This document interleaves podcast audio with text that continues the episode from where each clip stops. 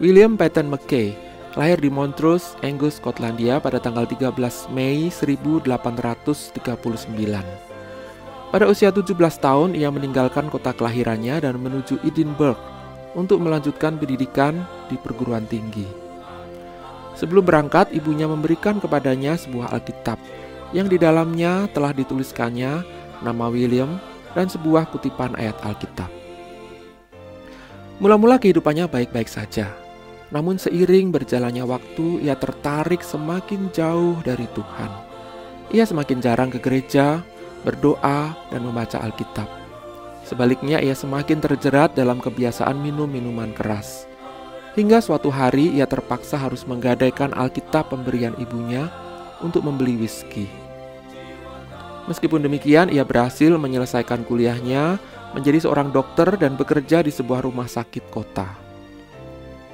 Pada suatu hari, ia menangani seorang pasien yang kondisinya sudah sangat kritis, tidak ada harapan lagi. Namun pasien tersebut tetap tenang menghadapi kematiannya sambil terus memegang sebuah buku. Sampai akhirnya pasien tersebut meninggal dengan buku tersebut dalam dekapannya. Karena penasaran, William mencoba melihat buku apa yang begitu berharga dan membuat pasien tersebut begitu damai menyambut maut.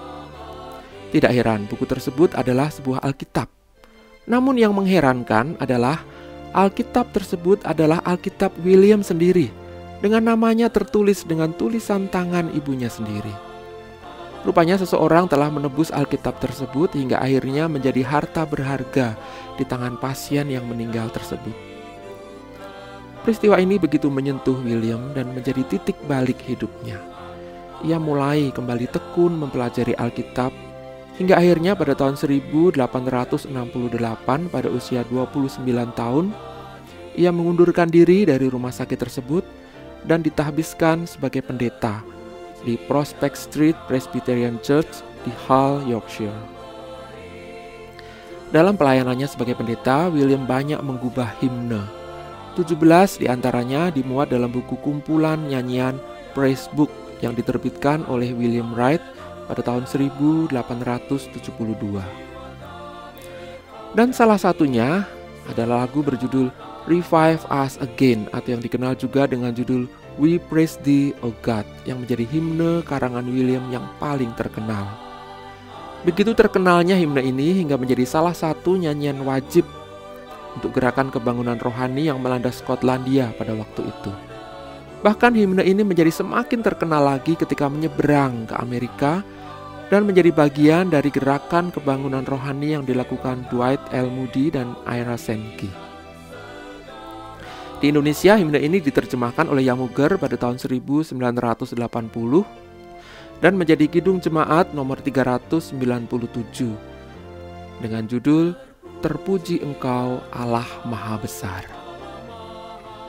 Pada awalnya himne ini terdiri dari sembilan bait. Namun setelah mengalami beberapa revisi baik oleh William sendiri maupun oleh orang-orang lain, ada empat bait yang bertahan hingga saat ini. Lirik nyanyian ini merupakan pujian sekaligus permohonan kepada Allah. Bait pertama hingga bait ketiga adalah bagian pujian dan bait keempat bagian permohonan. Sedangkan refrain merupakan gabungan pujian dan permohonan.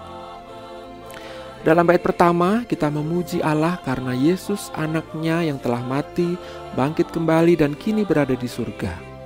We praise thee, O God, for the Son of thy love for Jesus who died and is now gone above. Dalam bait kedua kita memuji Allah karena roh kudusnya yang menerangi hati kita yang gelap dan menunjukkan juru selamat itu kepada kita. We praise thee, O God, for thy spirit of light, who has shown us our Savior and scattered our night.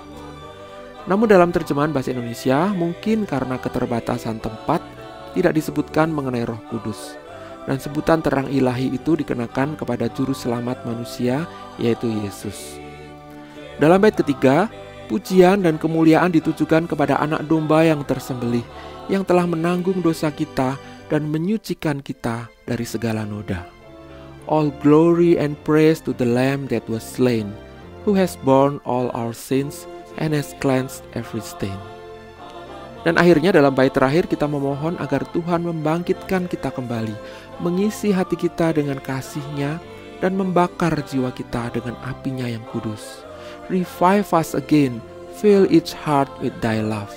May its soul be rekindled with fire from above. Refrain himne ini mempunyai kisahnya sendiri yang tidak kalah menarik. Pada abad ke-20, himne ini kembali populer melalui crusades atau kampanye penginjilan yang dilakukan oleh Billy Graham. Ketika menyanyikan himne ini dan sampai ke bagian refrain, maka umat di dalam gedung atau stadion tempat kebaktian berlangsung akan terbagi menjadi dua bagian. Bagian pertama akan menyanyikan haleluya dan bagian kedua menyambut dengan Thine the Glory atau puji Tuhan. Kemudian bagian pertama kembali menyanyikan haleluya dan bagian kedua menyambut kembali dengan amen. Demikian seterusnya sampai di frasa terakhir revive us again yang akan dinyanyikan secara bersama-sama oleh semua orang. Ini merupakan pengalaman menyanyi bersama yang sangat indah dan menyentuh, apalagi ketika ribuan orang menyanyikannya secara bersama-sama. Hal yang mungkin akan sangat sulit kita lakukan sekarang ini di masa pandemi. Namun demikian, hal ini tidak perlu membuat kita menjadi putus asa. Seperti doa pemazmur dalam Mazmur 85 ayat 7. Apakah engkau tidak mau menghidupkan kami kembali, sehingga umatmu bersuka cita karena engkau? Satu-satunya sumber sukacita kita adalah Allah dan kasih setianya yang memberikan keselamatan kepada kita dan menghidupkan kita kembali. Haleluya, puji Tuhan. Haleluya, amin.